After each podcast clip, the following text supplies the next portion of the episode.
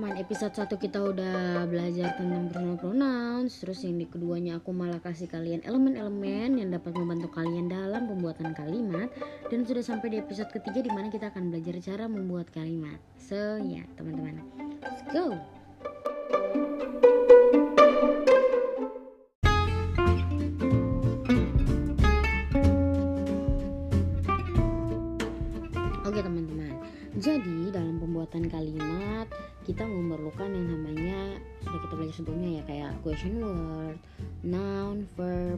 Personal pronoun. Jadi dalam grammar satu ini kita akan belajar membuat kalimat yang sederhana. Oke teman-teman, jadi yang pertama akan saya ajarkan merupakan kalimat positif dan ya mari kita masuk aja ke kalimatnya. Jadi dalam positif itu sebenarnya dia cuma perlu subjek terus dia perlu yang keduanya itu adalah verb lalu terakhir kalian bisa kasih objek gitu ya contohnya yes norsk yes nakker norsk artinya I speak Norwegian nah dalam kata ini kalian coba perhatikan snakker ada tambahan er di situ pada verbnya. Kita sudah bahas sebelumnya kan bahwa verb dalam bahasa Norwegia itu biasanya akan mendapatkan penambahan er dalam sebuah kalimat kayak gitu ya di dalam kalimat present tense terlebihnya. Lalu kita akan masuk kepada negation. Negation itu kita tinggal tambah ike itu artinya not which is di Norwegia untuk bilang kata tidak itu kalian tinggal tambah ike ini doang. Dan biasanya kalimatnya bilangnya kayak gini Yes nakir ikke sponge. Yes nakir ikke sponge. Artinya I do not speak Spanish. Jadi setelah snacker atau verb baru dia bilang tidak. Jadi saya berbicara tidak Spanyol Kayak gitu kurang lebihnya kalau di Indonesia kan Atau biasanya kalian juga ada yang lain ya dalam negation ini selain ada ike ada juga oxo oxo oxo sorry. Yang betul tuh oxo ya. Oxo oke oxo ini artinya also atau to.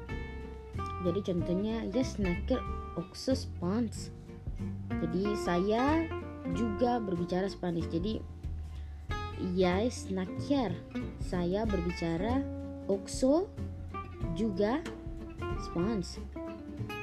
Kayak gitu. Jadi kalau di Indonesia kan berarti kalimatnya akan jadi saya berbicara juga Spanyol seperti itu.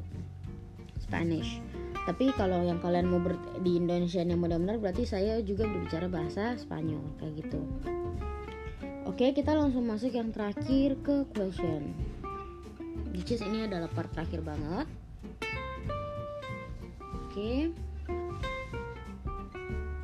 Vad heter du? Vad heter du? Kalian udah ingat fa, for, for dan ya yang sudah kita belajar sebelumnya ben itu kalian harus pelajarin lagi karena dalam pembuatan kalimat itu yang akan dipakai nantinya. Contohnya di sini saya berikan contoh kalimatnya adalah what is your name? Vad heter du?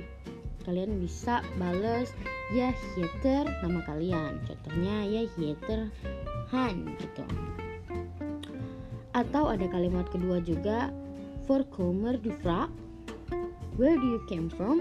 Nah kalian bisa tuh ya kommer fra Norge cara balasnya. Nah for du fra where do you came from? Kalian bisa balas dengan ya kommer fra Norge kayak gitu. Lalu ada juga di mana pertanyaannya tidak didahului dengan question word tapi langsung ke kalimatnya. Contohnya, snakker du? Kita nanya Snakker du norsk itu kamu bicara bahasa Norwegia? Kalian juga bisa dengan kata Snakker du norsk kayak gitu. Atau juga Er du norsk seperti itu ya teman-teman. Jadi Oke, okay, aku bikin short summary dulu. Untuk bilang main clauses atau untuk ya kita sekarang belajar main clauses positif itu verbnya ada tambahan er jadi, jadi kalimatnya malah menjadi subjek ditambah dengan verb ditambah dengan objek. Kalau negation, negation, negation itu kalimatnya bisa ditambahkan ika which is artinya not dengan formnya yaitu subjek ditambah dengan verb ditambah dengan ika lalu ditambah dengan objek atau keterangan tambahan seperti itu selain ika kita juga bisa pakai oxo which is kalimatnya bakalan jadi kayak gini subject ditambah dengan verb ditambah dengan oxo ditambah dengan objek atau kata keterangan tambahan. Sementara kalau question, question itu dibagi menjadi dua. Yang pertama itu bisa pakai question word, which is fa, for, for dan kayak gitu. Nah, atau yang kedua kalian bisa juga langsung gitu. Jadi verbnya yang menjadi kalimat utama dalam kalimat pertanyaannya. Kita ke yang pertama dulu, yang pakai question word.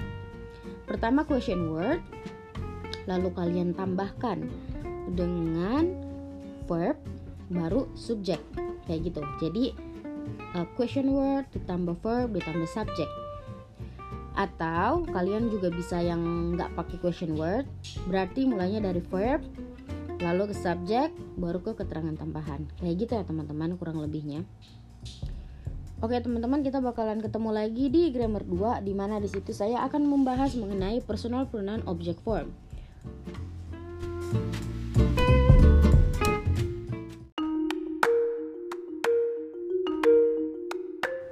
Seperti yang sudah saya bilang, di yang kedua kita akan belajar di dalam grammar 2 ya teman-teman, yaitu personal pronoun dari object verb, terus kita juga akan belajar auxiliary, kalian juga akan saya ajarkan mengenai uh, noun, ada noun juga di grammar 2. Setelah itu kalian juga akan diberikan semacam uh, ada question word juga, kalian akan ada tambahan question word dan yang terakhir itu kayaknya kalian bakalan dapat kayak apa ya kayak word order selfnya gitu dan lain-lain hal. Sama ada beberapa mungkin ada beberapa verb baru yang akan diajarkan di grammar 2 so kalau kalian penasaran dan tetap mau belajar terus ya tetap stay di sini aja nggak usah ke mana-mana.